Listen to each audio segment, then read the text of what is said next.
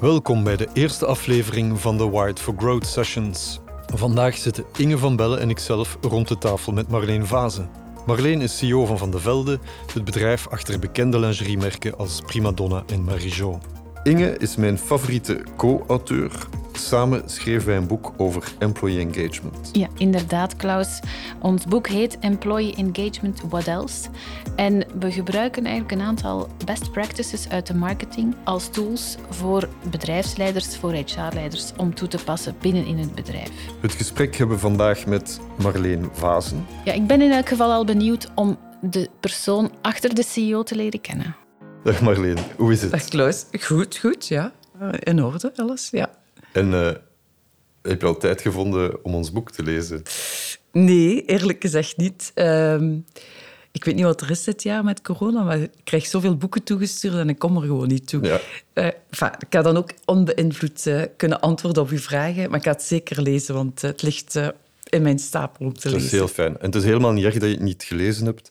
We gaan toch, als we bepaalde concepten uit het boek eh, aanreiken, die even uitleggen, zodanig dat de luisteraar ook snapt waar we het over hebben. Maar misschien is het goed om jou eerst Inge even voor te stellen, de co-auteur van het boek. Dag Marleen. Dag Inge. Fijn om u te leren kennen in het echt, na al de verhalen over u. Um, ikzelf ben co-founder van Herculean Alliance. Um, Herculean Alliance is gespecialiseerd in employee engagement. Uh, wij zijn aanwezig in, niet alleen in België, maar ook in Dubai, waar wij heel veel hebben geleerd rond diversiteit. Um, als we denken soms in België van we zitten met verschillende uh, talen, dan uh, is dat klein bier vergeleken met wat wij in Dubai meemaken. Dus dat is een heel interessante leerschool in ieder geval. Dus Voilà, wij hebben een boek geschreven begin dit jaar. En uh, ons boek is uh, eigenlijk heel specifiek gericht naar iedereen die bezig is met mensen. En zeker ook in tijden van uh, corona, geen overbodige luxe. en wij brengen eigenlijk best practices uit de marketingwereld naar de interne organisatie. Wij leren de HR meer denken als een marketeer. En dat zal u misschien wel als muziek in de oren klinken. Ja, absoluut. Hè. Eh, wel, mensen zijn voor altijd heel belangrijk geweest voor mij. Dat is de enige manier om dingen gedaan te krijgen. En, eh, en marketing, ja, dat is mijn passie van het begin van mijn carrière. Dus in dat opzicht is dat wel een heel mooi draagvlak, de twee samen. Ja, dat klopt. Het is ook dankzij het Inge dat het boek er ligt. Hè. Het is eigenlijk Inge die mij onder lichte dwang gevraagd heeft uh, om eraan mee te werken.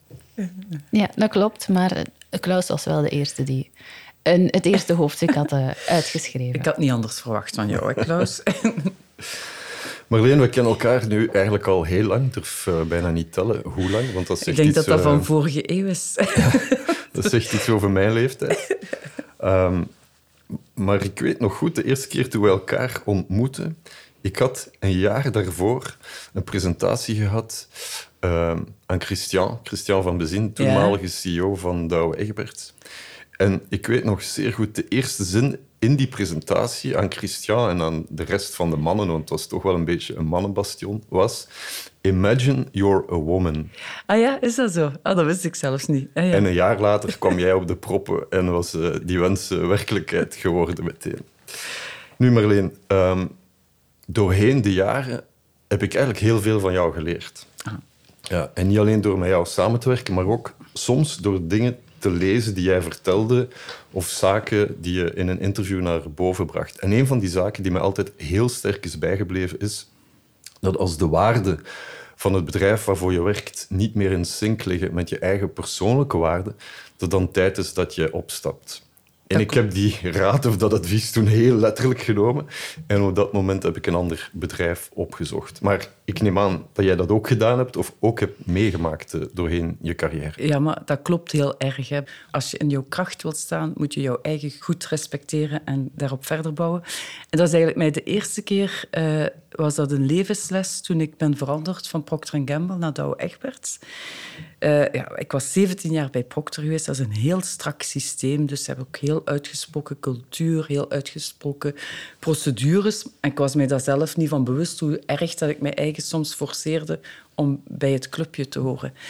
En dan ben ik begonnen bij Douwe Egberts en dat sloot heel nauw aan bij mijn persoonlijke waarde. Ik had toen ook tegen mij, mijn eigen gezegd, weet je, nu ga ik eens mijn eigen zijn. Het is genoeg geweest voor die carrière, laat het maar zijn. En... Uh, En wat heel grappig was, na een paar maanden zei iedereen tegen mij van... Amai, je ziet er zo goed uit, wat is er aan de hand? Ik zeg ja, ik voel me bevrijd. En ik ben nu terechtgekomen op een plaats die echt bij mij past. En, uh, dus dat, dat klopt wel. Ik had dat toen enorm persoonlijk ervaren. En nu ben ik nog altijd... Vind ik het heel belangrijk om in bedrijven te werken waar de waarden toch bij jouzelf aansluiten. Dat geeft jou gewoon vleugels, om het zo te zeggen. Ja. Wat ik mij dan wel afvraag is of je die waarden dan probeert te veranderen binnen een bedrijf, zodanig dat ze snel bij jouw waarden aansluiten. Of als je ergens binnenstapt als nieuwe CEO, wat je al een aantal mm. keer hebt gedaan ondertussen, of je dan eerst gaat kijken, wat zijn hier eigenlijk de waarden? Hoe voelt deze cultuur aan en hoe pas ik daar dan bij? Je moet vooral kijken en aanvoelen dat jij daarbij past. Een cultuur en waarden kan je niet zomaar veranderen. Uh, cultuur, dat is, uh, dat is iets dat over de jaren is opgebouwd. En dan kan je niet zomaar, je kunt dat nooit van zwart naar wit maken. Je kan alleen proberen een beetje bij te sturen. Je kan proberen de accenten wat anders te leggen. Maar wat ook belangrijk is, is van te benoemen wat waarden zijn. Want dikwijls leeft het in mensen, maar beseffen ze het ook niet. Dus vandaar dat ik eigenlijk al in heel veel bedrijven waar ik opgestart ben als CEO, ook de oefening doe met het managementteam van wat zijn onze waarden. Ik heb dat hier bij Van de Velde ook gedaan. En Van de Velde is natuurlijk een bedrijf met zeer uitgesproken waarden, maar toch door dat te benoemen en weten de mensen ook veel meer waar ze mee bezig zijn. Oké. Ja. Mogen we ze kennen? Ja, ja, zeker. Mogen ze zeker kennen. Kijk, ik heb ze, we hebben ze in een mooi boekje volgens onze uh, identity. Ja. Dus eerst is passie. Um, ons hart klopt voor onze producten en de vrouwen die ze dragen. Dus ik denk dat er al heel veel mee gezegd is. Kwaliteit, streven naar topkwaliteit uh, in onze producten, ons werk en onze service zonder compromis. We zijn authentiek, we zijn betrouwbaar, eerlijk en praktisch in alles wat we doen consumenten en klanten. We begrijpen, voldoen aan en overtreffen de behoeften en verwachtingen van onze consumenten en klanten. We zijn ondernemend, we zoeken naar oplossingen, we streven ernaar om uit te blinken. We leren altijd met de focus op resultaten en stemmen sterk. We werken met respect en vertrouwen samen, zowel intern als extern. Voilà. En daar zijn dus nog een aantal zinnetjes uitleg dat iedereen goed begrijpt wat die waarden zijn. Wat heel belangrijk is, Klaus, vorige week hebben wij een purpose uh, voorgesteld aan de Raad van Bestuur. En een purpose is echt waar mensen voor naar het werk komen. Weet je, dat verschil maakt iedere dag om met goesting te komen werken. En eigenlijk is dat wat ik ook dikwijls hoor van mensen op de werkvloer, van wij doen iets goeds voor vrouwen. En we hebben dat proberen in ene zin samen te vatten. En die zin is geworden, making women stronger. En ik vind dat dat heel goed samenvat waar wij als bedrijf iedere dag het verschil proberen te maken. Absoluut. En ik vind dat ook super. En purpose is gigantisch belangrijk, want je hebt bijna de letterlijke definitie gegeven van hoe wij purpose en de rol van een purpose eh, in het boek zonder benoemen, zonder het te lezen. Dus dat is eigenlijk op zich al fantastisch. Marleen, je noemde daarnet al uh, Procter, je noemde Douwe Egberts. Waar kennen de mensen jou eigenlijk van, denk je? Um, de marketeers die gaan mij zeker kennen van de lancering van Senseo. Dat was zo'n beetje de grote hype uh, in 2000. Dus ik denk dat daar de mensen mij vooral van kennen. In België, van Procter Always. Always wordt toch altijd aan jou ja, gekoppeld ook? Ja? ja? Ja, ja, want dat was ook de eerste keer dat we eigenlijk um, meegegaan zijn als marketeers naar de klanten. Dus naar de, de Carrefours en, en de Deleuze's van deze wereld. En dat was wel een evenement, want ja, dat was natuurlijk een product waar niet gemakkelijk over gesproken wordt. Dat was toen in 89, 90, dus dat is al 30 jaar geleden. Uh, en dat, ja, dat had wel iets speciaals. En dat was ook een introductie die ongelooflijk was, want we hadden op de eerste marktaandeel van Nielsen was 6% Wauw. Dat was nooit meegemaakt. Dus, uh, dus we hadden echt wel... Uh, dat was wel een misschien een purpose niet zo ver af van uh, wat je nu aan het doen bent. Want ik neem aan dat dat ook vrouwen bekrachtigt in een rol of hen comfortabel laat voelen. Of... Ja, maar dat product werd toch veel meer functioneel neergezet. Alhoewel, dat, nu je dat zegt, ik heb daar zo niet over nagedacht, maar eigenlijk was dat ook van, ja, dat geeft mij meer zelfvertrouwen kan op mijn gemak zijn, ik heb geen problemen. Ja, ik had het zo nog niet bekeken, maar dat klopt wel, ja. Maar dat was dan echt gedreven vanuit het product, terwijl wij hier bij Van de Velde echt vanuit het bedrijf proberen dat te doen. Ja. En dat zijn dan de verwezenlijkingen waar je het meest uh, trots op bent. Lancering van Senseo bijvoorbeeld, wat eigenlijk allemaal ons koffiedrinken veranderd heeft. Ja, ja, absoluut. Uh, maar ik denk, dat is dan ja, vanuit de marketing gezien zeker een mooi verhaal. Ik denk ook niet alleen de lancering van Senseo, want daarna toen ik internationaal gegaan ben, heb ik eigenlijk blijven uh, nieuwe smaken, nieuwe machines. En we hebben daar tien jaar double digits groot gehad, jaar na jaar. Dus het is niet alleen zo in een keer iets fantastisch lanceren en dan is het gedaan. Nee, dat is echt een verhaal van tien jaar geweest, waar ik dus echt wel op verschillende stadia een groot verschil heb kunnen maken. Wat ik ook eh, verschillende keren in mijn carrière gedaan heb, is eigenlijk um, orde op zaken stellen, zoals ze dat zeggen. Dus uh, toen ik binnenkwam bij Penguin Lutosa, toen nog, dat heet nu Greenyard, ja, was het wel echt belangrijk om een strategie, waarde, missie, heb ik daar allemaal geschreven. Ik vind het heel belangrijk in een bedrijf is te beginnen met de corporate fundamentals. Wat is nu echt, waar staat dat bedrijf voor? Wat gaan wij doen dat anders is van de rest? En, um, en dat heb ik daar ook gedaan. Dan zijn we begonnen ook met de missie, de waarden.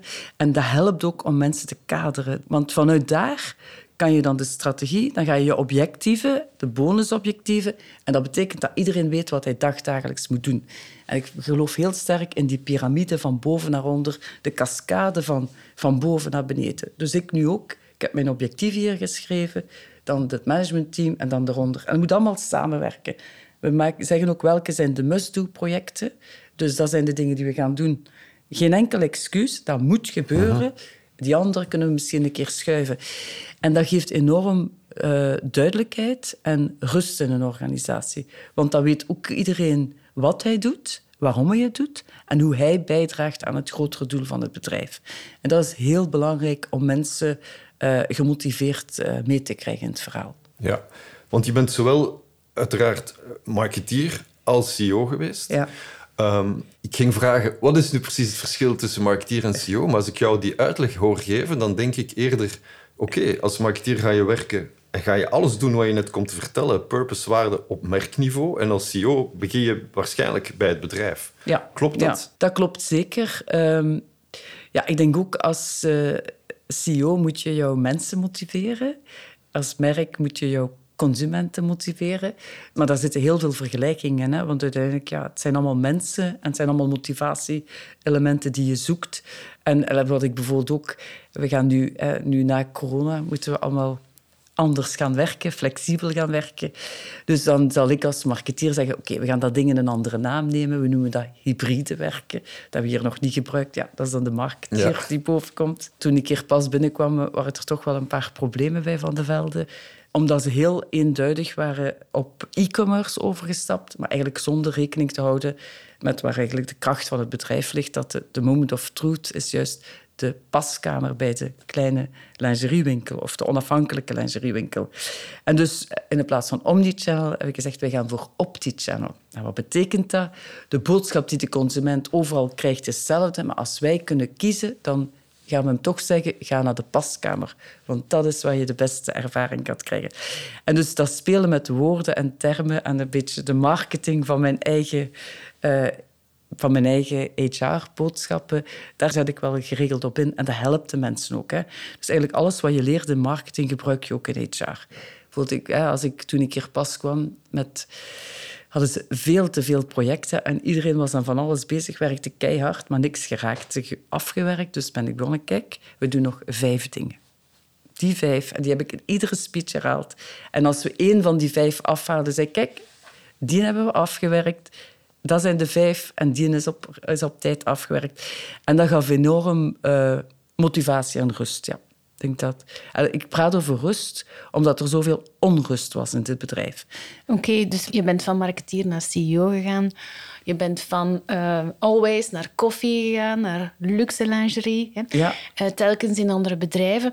Uh, nu, hoe uiteenlopend waren dan die waarden en, en die cultuur in die verschillende bedrijven? Dan denk ik vooral aan allemaal beursgenoteerde bedrijven, maar sommige waren dan echt multinational en nu een familiebedrijf. Hoe heb je dat ervaren, die ja. verschillende culturen? Ja.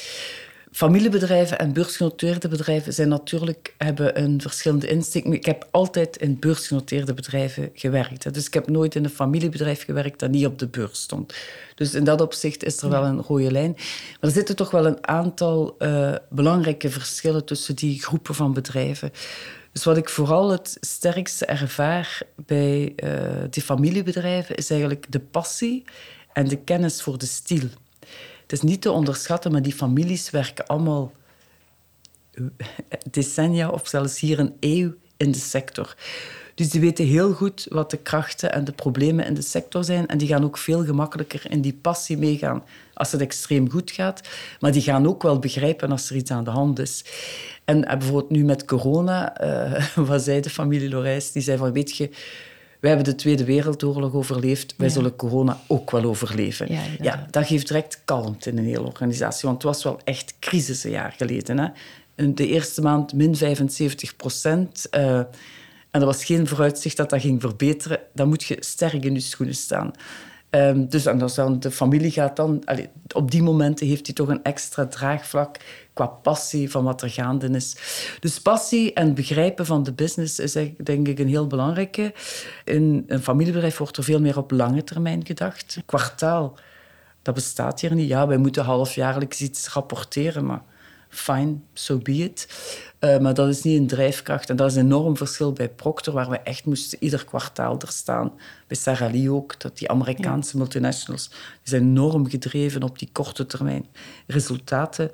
Dus dat is ook um, een, een heel groot verschil, denk ik. En de processen zijn gewoon veel korter en sneller. Dus voor grote capex-projecten ik heb uh, in, mijn, in, bij Greenyard ooit een fabriek verkocht op ene PowerPoint voor 15 miljoen euro.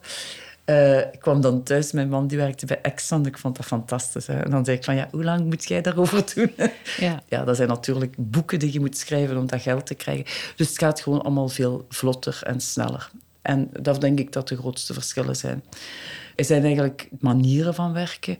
Ik denk in waarde zijn er toch veel dingen eh, die ook gelijklopend zijn. Ik denk uh, elkaar vertrouwen, transparantie, voor, dat soort dingen heb ik eigenlijk in alle bedrijven waar ik gewerkt heb uh, altijd uh, als gelijkwaardig of, of gelijkaardig uh, bekeken. Ja. Nu, in het boek uh, spreken we vaak van het, uh, your vibe attracts your tribe. Ja. We zeggen ook soms de mayonaise moet pakken, yes. om het dan op zijn Vlaams te zeggen. nu, als je dan als nieuwe CEO binnenstapt in zo'n bedrijf, zoals bijvoorbeeld bij Van de Velde, uiteraard, de waarden trekken jou aan, maar heb je zelf ook genoeg ruimte om dan je eigen waarden nog een stukje daarin mee te geven aan je eigen mensen? Um, nu, ik kende Van de Velde al langer, hè, want ja. ik had hier zes jaar op de raad van bestuur Inderdaad. gezeten, dus ik kende de families uh, goed. Ik wist ook wat er reilde en zeilde. Ik had ook al dik een aantal keren workshops gedaan met de marketingteams, omdat ik vond dat er waren een paar opportuniteiten lagen. dus ik, ik, ik, uh, ik had dat eigenlijk wel redelijk goed gevoeld. Ik denk wat ik um, vooral gedaan heb, is uh, proberen eerst vast te leggen wat onze waarden zijn en waar we op kunnen verbeteren. En bijvoorbeeld een van de dingen die ik toch wel snel gezien heb, is dat uh, teamwork is heel goed binnen het departement en in momenten van crisis hier. Uh, maar dat we dat meer continu kunnen doortrekken. Dus dat staat erin en daar stuur ik ook zelf. En dat begint dan met hoe dat je je eigen team aanstuurt natuurlijk. Hè. Je mag niet de kracht van uh, het voorbeeld onderschatten. Hè. Walk the talk, zo mooi in het Engels.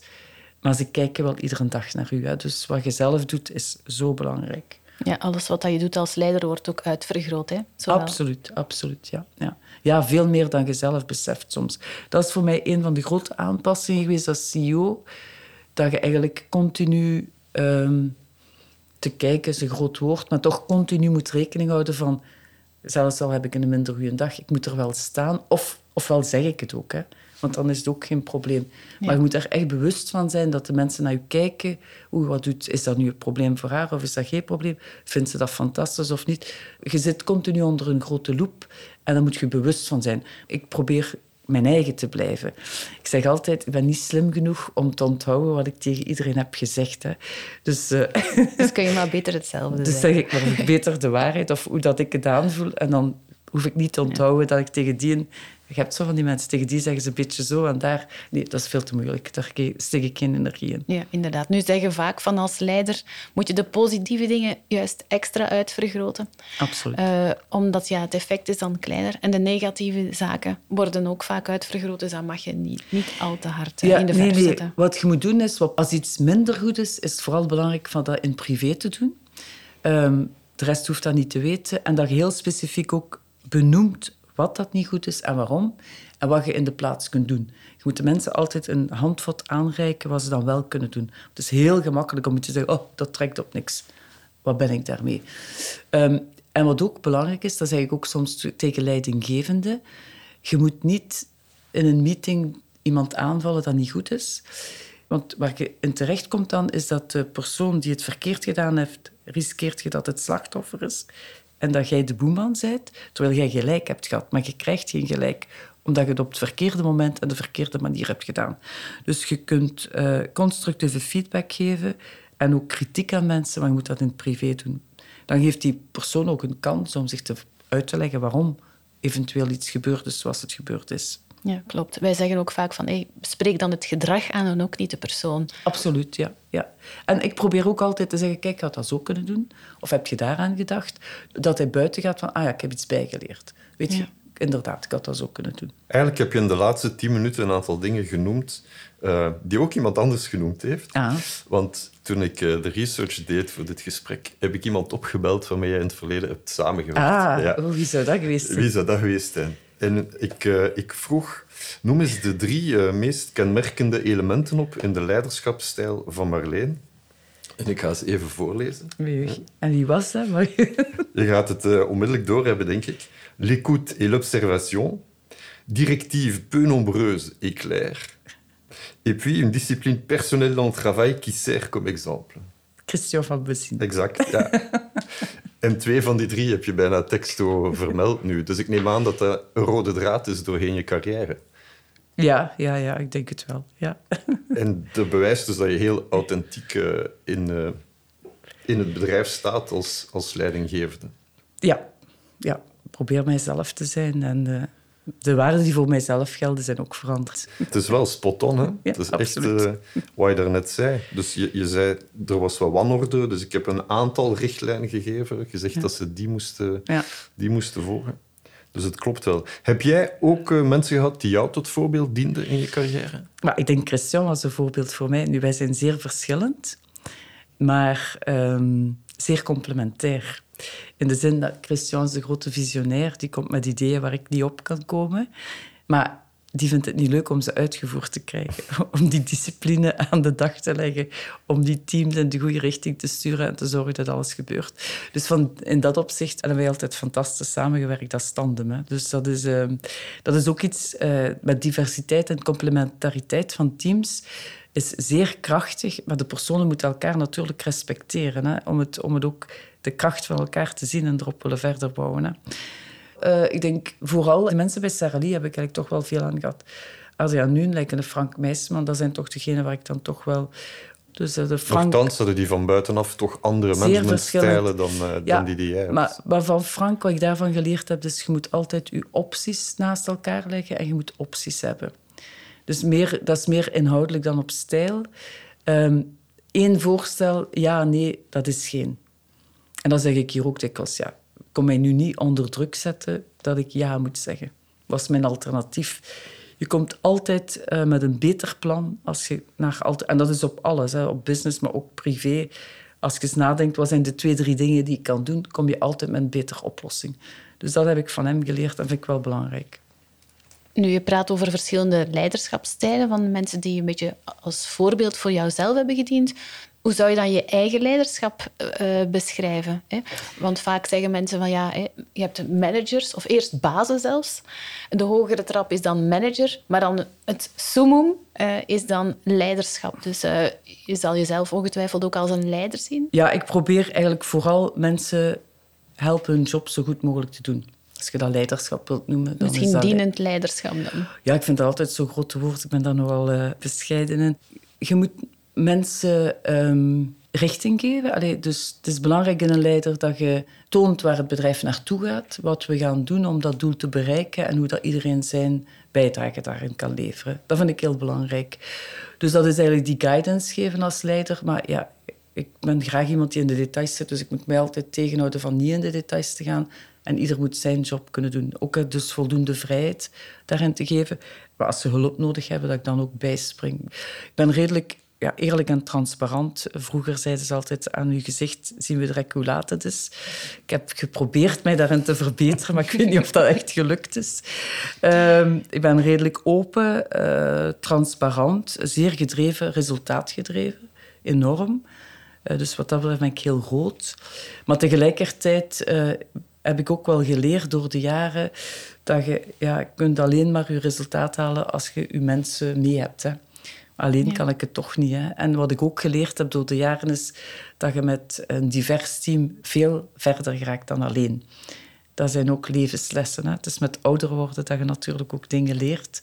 Omdat ik vroeger enorm gedreven was en ik dacht, als ik maar hard genoeg zelf werk, dan lukt het wel. Maar dat is niet zo slim samen met anderen gaat, dat veel, gaat je veel verder geraken. Ja. Het woord is al een paar keer gevallen, diversiteit. Hè. Uh, uiteraard, als vrouwen hebben we het heel vaak eh, over hè, de man-vrouw diversiteit, maar diversiteit is zoveel breder dan dat. Hè. We hebben natuurlijk niet alleen man-vrouw, we hebben ook... Ehm, diverse nationaliteiten, steeds relevanter. Maar ook zelfs diversiteit in persoonlijkheden. Hè. Dus de extraverte tegen de introverte, ga zo maar door. Uh, hoe zorg jij ervoor dat er voldoende diversiteit is in jouw team? Ja, we proberen diverse teams te bouwen, maar ik vind dat moeilijk uh, om die persoonlijkheden altijd eruit te krijgen. Omdat je natuurlijk, als je mensen... Uh, je hebt al een deel mensen die in het bedrijf zijn, je recruteert bij, maar je kijkt toch vooral, zitten de waarden goed? Heeft hij ook de competenties om iets bij te brengen in die job? Dus en dan voelt je wel een beetje aan de persoonlijkheid. Maar het is niet zo dat ik recruteer enkel op persoonlijkheid. dat komt als laatste van, oké, gaat hij in de groep passen? Gaat dat een beetje lukken? Ehm, en ik denk dat dat een van de moeilijkste is om daarop te diversifiëren. Uh, dat klopt ook, hè. dat komt inderdaad heel vaak als laatste. Kijk, ik zal even een paar dingen hier, want Van Veld is toch een beetje een speciaal bedrijf in dat opzicht. We hebben 85% vrouwen, dus dat is zeer hoog. Natuurlijk, we hebben ook een heel vrouwelijk product. Maar toen ik binnenkwam, zat het er op het managementcomité denk ik, één vrouw. Mm Eén op de zes of op de zeven. En nu zijn we met acht, waarvan twee mannen. Dus uh, op twee jaar tijd uh, zijn we dus toch een... En ik vind nu is het goed, want nu zijn we een reflectie van het bedrijf. dus uh, twee mannen is genoeg. Dat is 25 procent. Dat is zelfs meer dan dat we in het totale bedrijf hebben. Dus, dus dat vind ik goed. We hebben ook om millennials, we hebben er Drie zijn onder de 40. Dus we hebben een heel diverse leeftijdscurve. Ik denk dat de leeftijdscurve nog belangrijker is soms. Dus ja, ik zelf ben al boven de 60. Uh, eh, dan heb ik iemand tegen de 60, dan een paar rond de 50 en de rest onder de 40. Dus we hebben eigenlijk wel een brede scope van leeftijden. En op die manier hebben we eigenlijk drie millennials in ons directiecomité. Dus dat helpt. Dus het is niet dat we helemaal blinde vlekken hebben, dat ons zo zeggen. Nu, ik heb natuurlijk nog een vraag over die millennials. Iedereen praat er natuurlijk over van dat het vaak moeilijk is om uh, leiding te geven aan millennials of om om te gaan met de millennials. Ze zouden een beetje de achterbankgeneratie of de verwende generatie zijn. Wat is jouw ervaring daarmee? Maar voor mij is het zeker uh, een aanpassing. Dat, dat zijn groepen die op een andere manier redeneren dan wij gewoon zijn ook, we hebben nu een hele studie gedaan naar lingerie bij millennials. Het begint ook bij consumenten. Um, enfin, daar even tussen tussen verrassing. Dus die spenderen meer dan de boomers. Die kopen één BH meer per jaar. En die zijn bereid om veel meer te betalen voor een lingerie. Dus dat was eigenlijk een positief. Want wij dachten, oei oei, we gaan een keer research doen, van wat komt er op ons af? Maar eigenlijk is dat nu een positief verhaal. Beter dan we dachten. Leuke verrassing, inderdaad. Leuke verrassing. Hadden we niet, hadden we niet zien aankomen. Allee, hadden we eigenlijk niet ingeschat op die manier. Um, dus niet alleen millennials, dus ook generatie Z, waar we toch wel actief mee over nadenken. Lijkt nu ook qua duurzaamheid en hoe dat je met mensen moet op de werkvloer nagaan ja, we zijn daarmee bezig, maar het is niet zo eenvoudig, moet ik zeggen. Maar daarom is het goed dat we er al een paar in ons teams hebben. Dus dan zie je ze ook iedere dag bezig. Dus kan je er ook al gemakkelijker uh, aan beginnen werken. Ja. In het boek hebben we het onder andere, als het gaat over het aansturen van teams, over drie kenmerken die volgens ons heel belangrijk zijn om krachtige, krachtige teams te bouwen. En dat gaat dan eigenlijk over Veiligheid, kwetsbaarheid en doelgerichtheid. Dus we zeggen eigenlijk, het is belangrijk dat mensen binnen een team zich veilig voelen. Denk daarbij bijvoorbeeld aan nieuwe medewerkers. Het is niet Ja. evident dat die zich snel veilig voelen. Maar het is ook belangrijk dat mensen zich kwetsbaar durven opstellen. In die zin dat ze moeten kunnen zeggen, ja, ik heb een fout gemaakt. Of ik denk dat daar misschien iets beter kan. Of kan je me helpen om dit beter te doen? En dan eh, doelgerichtheid uiteraard, omdat je anders een vriendenclubje bent en niet Ja. naar een doelstelling eh, toewerkt. Ik neem aan dat dit vrij gelijklopend is met hoe jij naar teams kijkt of naar sterke teams bouwen kijkt. Ja, ja ik denk vooral ehm, ja, om met het einde te beginnen, dat is het gemakkelijkste. Het is doelgerichtheid, weten wat we doen en ook hoe dat samenhangt met het grotere geheel in het bedrijf. Eh, kwetsbaarheid, ja, je moet open kunnen zijn en vertellen waarover dat gaat. Ehm, ik denk wat het moeilijk is, is toch soms voor mensen om zich kwetsbaar op te stellen. Zelfs in een omgeving hier, waar ik vind dat we toch heel mensvriendelijk zijn en wat ook ehm, mensen die hier pas komen werken vertellen dat wij ja, zo ver de extra mijl gaan om toch te doen wat een medewerker nodig heeft. Ja, ze willen zodanig ehm, een goed resultaat afzetten en het heel goed doen, dat ze soms ja, geen, geen fouten willen maken of, of durven maken. En dat is iets dat we toch moeten blijven aan werken om toch die gerustheid te geven van ja, als we niks nieuws doen, leren we ook niks. Maar ook dat start bij het leiderschap, denk ik. Hè. Als de leidinggevende moet Ah, ja, zichzelf ja. kwetsbaar durven opstellen. Anders... Ja, ja, je moet dat ook openlijk kunnen zeggen. En van kijk, dat is niet erg voor een keer. Dus dat is wel iets waar je door feedback te geven dat maar kunt helpen begrijpen. hè. Ja. U had het al over hè, kwetsbaarheid. Daar, eh, daaraan vast hangt ook nog eens falen. Hè. Hoe gaat u daar zelf mee om als CEO? Ehm, met falen eh, of faalangst binnen het bedrijf Ja, ja. of voor uzelf? Ja, Misschien falen een moeilijke. is een moeilijke. Ehm, maar je leert dat ook. Ik heb dat ook wel geleerd door de jaren. Hè. Dus ehm, van te kunnen zeggen van ja, oké, ik heb mijn best gedaan, maar dat was het beste wat erin zat. Hè. Want eh, ik zeg dat ook dikwijls naar mijn teams. Weet je, op dat moment was dat de juiste beslissing. Met corona hebben we toch een zware crisis gehad. Heel zware beslissingen moeten nemen onder heel veel tijdsdruk. Heel snel, eh, alle winkels waren toe. Je weet ook fashion, de collectie. Volgend jaar is die niks meer waard. Dus je moet echt wel heel snel schakelen en heel zware beslissingen nemen op supply chain en, op uw toevoer van producten en alles. Maar dan soms zeiden we achteraf, ah, hadden we dit of dat. Ik zeg, kijk, wat, wat we op dat moment wisten, was dat de juiste beslissing. En daar moeten we blijven bij, bij in geloven en daar moeten we vrede mee hebben. Het is zo gemakkelijk van achteraf dit en achteraf dat. Op dat moment was dat de juiste beslissing. En ik vind, daar kan ik mij altijd rust mee kopen en stress uit het systeem halen. Met alles wat we dan wisten. En we hadden naar alle opties gezocht. Hè. We hadden ons Ja. huiswerk gemaakt. Maar dat was de beste beslissing. En op die manier denk ik dat je het ook moet plaatsen soms. Want het is heel gemakkelijk om achteraf te zeggen wat je had anders moeten doen. Maar op het moment van de stress en op het moment van de beslissing heb je dan echt gezorgd dat je alles in de hand had wat je kon hebben. En dat is hoe dat ik daar probeer mee om te gaan. En je moet leren, ja, iedereen maakt fouten. Hè, dus dat is ook geen drama. Hè. Dus, eh, maar dat is niet zo gemakkelijk te aanvaarden. Ja. Vooral als je jonger bent, vind ik dat moeilijker. Of vond ik dat moeilijker. Ja, inderdaad. Maar uw mensen hebben wel het gevoel dat ze kunnen eh, falen bij u. Maar ik denk dat ze zichzelf te veel druk opleggen. Dus ik probeer daar echt wel eh, ja, een balans te vinden. Maar dat is niet altijd eh, zo, zo, moeilijk, niet zo gemakkelijk. Pardon. Ja. Zijn er nog andere kwaliteiten die je ziet als ehm, eh, goed voor leiderschap of, of sterk leiderschap?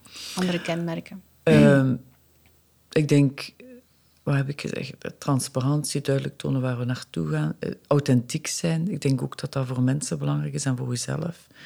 Dat ze weten wat ze aan u hebben. En, en, en ja, ik denk als leider heb je toch wel ehm, de verantwoordelijkheid om, om die teams te motiveren en te, te laten zien waar we naartoe gaan. Ik denk dat op ieder niveau en elk team ligt het aan de leider. En je moet niet onnodige stress doorgeven naar je teams. Dus eh, dat vind ik ook wel een belangrijke, dat sommige leiders wel eens vergeten. Het is niet omdat u een baas iets zegt dat slecht is, dat je direct aan alle teams moet gaan zeggen hoe verschrikkelijk dat is. Nee, bufferen en tegenhouden vind ik ook een belangrijke en die wordt dikwijls onderschat, denk ik. Als ik alles moest, alle problemen die ik had, altijd aan iedereen doorvertellen. Ja, zo werkt dat niet. Hè. Het is uw verantwoordelijkheid van mensen te motiveren. En wat ze moeten weten, moeten ze weten. Wat, ze, wat niks bijbrengt, vind ik dat je dan zelf de verantwoordelijkheid in moet dragen. Ik vind dat heel interessant wat je zegt, dat bufferen van, uh, van die stress en van die negatieve gevoelens. Er is een hoofdstukje in het boek en dat gaat over management by fear en waarom het niet werkt. Ah, ja, ja. Uh, iets wat nogal vaak in Franse organisaties voorkomt, het uh, management by fear. Maar ik realiseer me nu dat inderdaad een van die kenmerken is dat de stress van aan de top gewoon versterkt wordt doorheen de Mhm. organisatie. En Ja. dat dat een enorm angstgevoel kan creëren. Ja, ik ben daar eigenlijk altijd tegen geweest. Ik had eens iemand in mijn team die zei van ja, als ze geen schrik van mij hebben, ben ik slecht bezig. Ik dacht dat ik van mijn stoel viel, ik zeg maar niet in mijn groepje. Hè. dus daar heb ik dan wel eens een discussie over aangegaan. Ik vind dat dat heel verkeerd is. Dat, dat, dat, dat ja, dan mensen zijn niet meer verstarren. Dus dat kun je echt niet doen. Dus je moet juist positief... De mensen komen met een goede ingesteldheid naar het werk. En jij moet zorgen dat ze ook zo goed mogelijk hun werk kunnen doen. Weet je, vorige week heb ik nog voor gehad, zonder in detail te gaan, er kwam een discussie van bovenuit.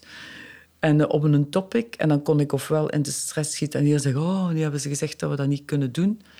Maar ik heb mijn job gedaan en nu gaan we het wel doen. En niemand heeft geweten dat er zelfs vragen waren of we dat konden doen. Dan vind ik dat ik mijn job als CEO gedaan heb. En uh, dus alles is vlot blijven doorlopen. Dat was een risico. Als, dus, ja, als het niet had gegaan, oké, okay, dan hadden we het dan wel opgelost op dat manier.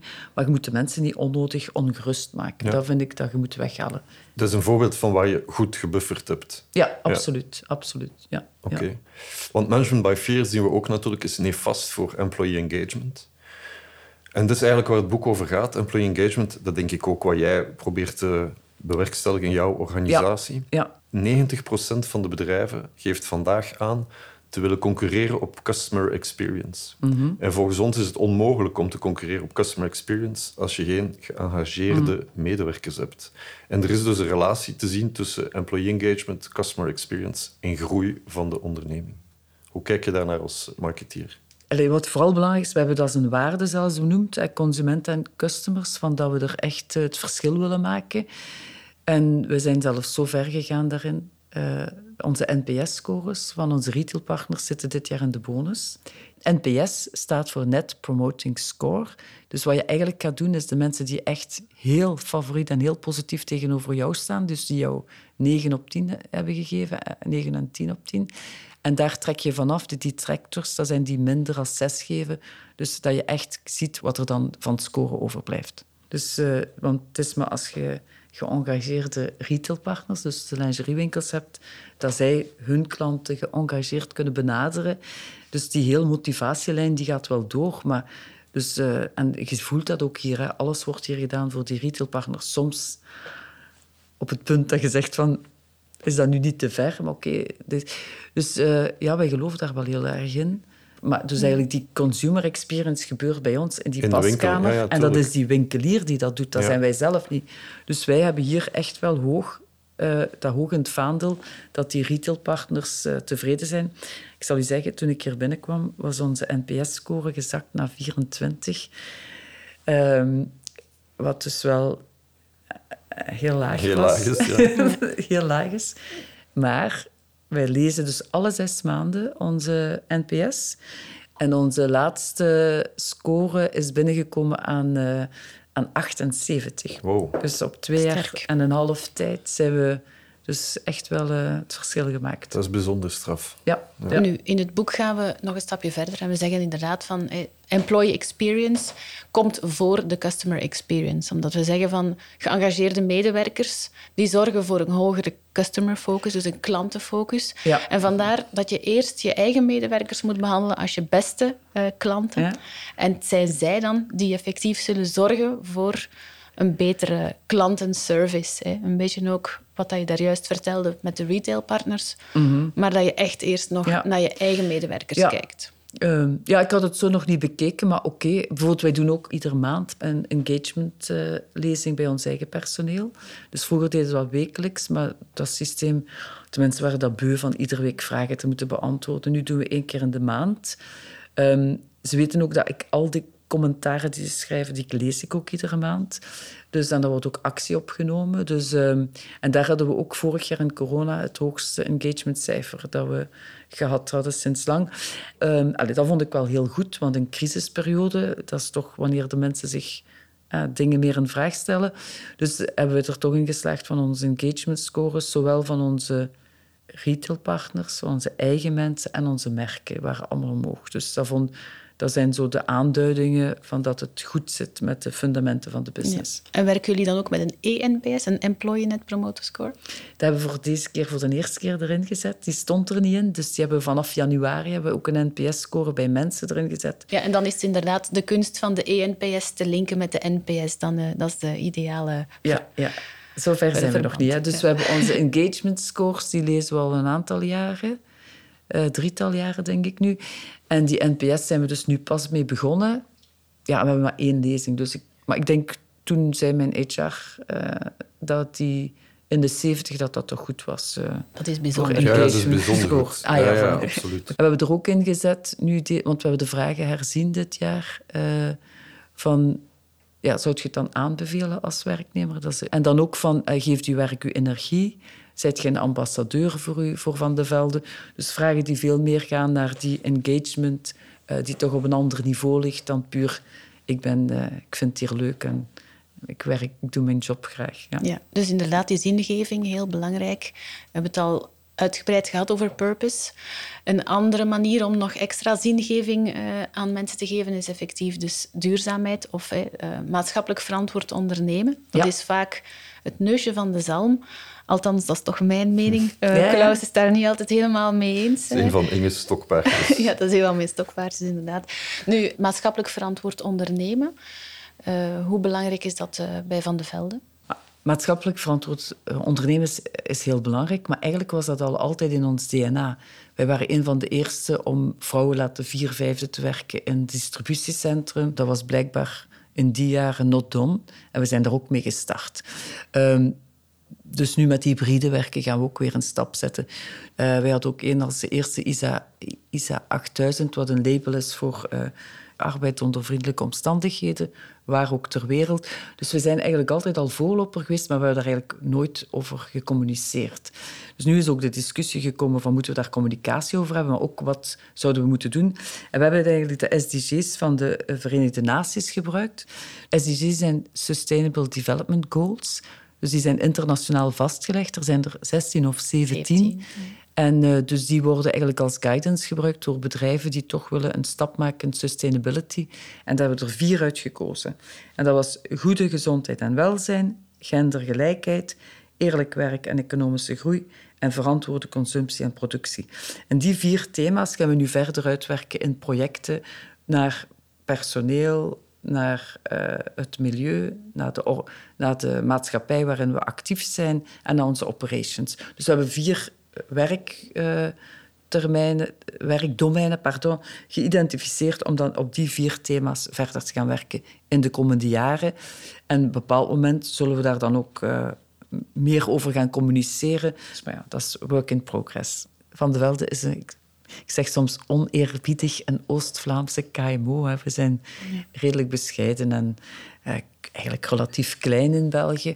Maar eigenlijk doen, doen we veel meer dingen dan, dan we eigenlijk naar buiten dragen. Dus het is nu ook wel iets, vooral naar millennials toe, dat belangrijk is dat we dat meer benoemen. En dat we daar ook meer actief een rol in gaan spelen. Ja, dus dat is een perfecte opportuniteit voor een marketeer, CEO. Absoluut. Nee, nee, maar vandaar, we zijn heel mooi met de SDG's begonnen. Dus, uh, ja, dus we, zijn, uh, we, zijn, we zijn het nu meer uh, gestructureerd gaan aanpakken. En we gaan dan ook die persoon benoemen. Dus dat is een belangrijke functie. Die gaat aan mij rapporteren, by the way. Dus om duidelijk aan iedereen te tonen in het bedrijf dat duurzaamheid hoog op de agenda staat. Wat er is, gaan we gewoon proberen meer te structureren en op een hoger niveau te brengen. Ja. Marleen, je vermeldde daarnet het hybride werken. Ja. Ook daar is weer iets dat ik van jou geleerd heb. Ik, het was heel slim, vond ik, wat je zei uh, tijdens ons telefoongesprek één of twee weken geleden. Toen ik het thema aanhaalde dat de mensen terug naar de werkvloer krijgen, eigenlijk voor heel wat leiders vandaag een grote challenge is. En dat heel veel bedrijven daarover aan het nadenken zijn hoe ze hun mensen al dan niet moeten verplichten om naar kantoor te komen. En toen zei jij, ja, ja, maar je moet ze niet verplichten, je moet ze Je moet zorgen dat het zo leuk is op het werk dat ze allemaal willen komen. Dat is de uitdaging. Ja, en het gaat dus over een omgeving creëren waar mensen graag naartoe komen. Ja, ja, ja. Het blijft een uitdaging, hè. laat mij duidelijk zijn. Maar het moet leuk zijn om te komen werken en dan kom je met plezier. Dus um, een van de dingen die we nu gaan bekijken, ook hier eh, in het kantoor, is om eens te kijken hoe dat we ons kantoor anders zouden kunnen inrichten. Laat me een voorbeeld geven, bijvoorbeeld de koffiecorners. Ja, die zijn hier nu niet zo mooi en aantrekkelijk, maar je moet toch ergens lounge areas hebben waar je dan eens een babbeltje kan slaan. Want ik heb met mijn managementteam eens de oefening gedaan. Wat zijn de voor- en de nadelen van thuiswerken, van op kantoor werken? Een van de dingen die er duidelijk uitkomt van op kantoor te werken, is dat je mensen gaat zien, dat je terug kan samenkomen. Dus dat sociaal gegeven is zeer belangrijk. Maar ook alle creatieve processen gaan veel meer aandacht kunnen krijgen. Dus gaan we ook moeten zorgen dat we terug meer creatieve ruimtes creëren waar je echt dan als team op een leuke manier in groep kan samenwerken. Dus dat is de uitdaging, denk ik, dat we echt moeten voor gaan ehm, om die dynamiek te kunnen installeren. Maar het zal nog altijd niet zo gemakkelijk zijn. Niet zo maar gemakkelijk zijn, maar de mensen zin geven is in elk geval veel inspirerender dan zeggen je moet op die of die ja, dag maar moeten, dat, dat is het woord dat ik het meeste haat. Hè. Moeten. Hè. Als iemand tegen mij zegt je moet, dan gaat mijn haar al naar boven. Dus ik veronderstel dat dat bij andere mensen ook zo is. Dus ja, want de eerste insteek die ik hoorde was van je moet maar twee dagen naar kantoor komen. Ik zeg nee, nee. Ja. Je, we werken op kantoor en je mocht twee dagen thuis werken. Dat zal het startpunt zijn. Um, maar moeten, ja, dat is altijd verkeerd. Ja. En mensen onderschatten ook schromelijk het belang van een koffiecorner. Absoluut. dat we eigenlijk voor zijn werk moeten doen nu. Voilà. Want als je teruggaat naar de theorie over de drie niveaus van informatie, nice to know, need to know en must know, dan onderschatten mensen het belang van de nice to know. Want de nice to know is net belangrijk om mensen bij een groep te betrekken en om hen het gevoel te geven dat ze ergens deel van uitmaken. Ja, dat klopt volledig. Daar ben ik volledig mee akkoord. Ik denk ook, wat je niet mag onderschatten als iedereen op kantoor is, is uh, als er een crisis is of als er echt wel een issue is, hoe snel dat je kan handelen. Als je elkaar ziet, terwijl op Teams thuis... Ik had hier, we, hebben, hadden een akkefietje in, uh, in het DC, uh, een discussie met het hoofd van operations. Ja, die is dan binnengelopen en we hebben dat eigenlijk ter plaatse opgelost. Als ik thuis was geweest, dan was ik dan in een andere teammeeting. Hè. De, de, de, en ik denk dat dat onze verantwoordelijkheid is om mensen te laten inzien dat er ook heel veel efficiënties te winnen zijn met op kantoor te zijn. De uitdaging is van iedereen tegelijkertijd hier te krijgen. Oké, ik zou eigenlijk graag um, iets weten over jou. En uh, zeker ook van welk voor advies zou je jezelf hebben gegeven bij het begin van je carrière? Bij het begin van mijn carrière, ah, ja. Dus ik zou... Um, denk dat ik uh, meer zou inzetten nog om... Dat je met samenwerking met teams, dat je daar veel verder mee geraakt. Dus ik denk daar, uh, dat zeker één. Dat je eigenlijk rustiger moet blijven. Het komt wel. Dus uh, ik zou wel wat minder stress hebben gehad in het begin van mijn carrière, denk ik. Uh, alhoewel, al bij al ben ik niet zo, zo stress. en vooral jouzelf zijn. Ik denk, als ik op iets zou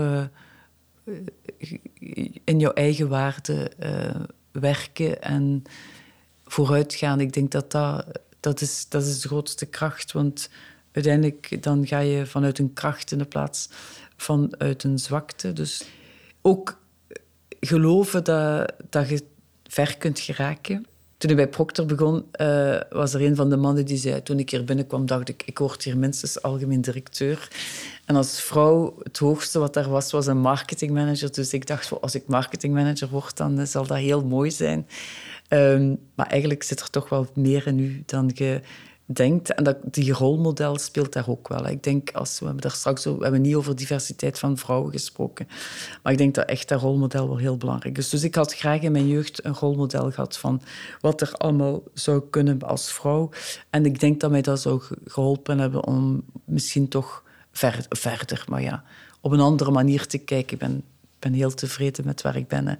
Begrijp me niet verkeerd. Maar dat zou mij soms wel geholpen hebben, denk ik, om te zien wat de mogelijkheden zijn eh, in uw carrière. Ja. Als ik daar nu op terugkijk, dan denk ik dat dat wel een belangrijke zou zijn.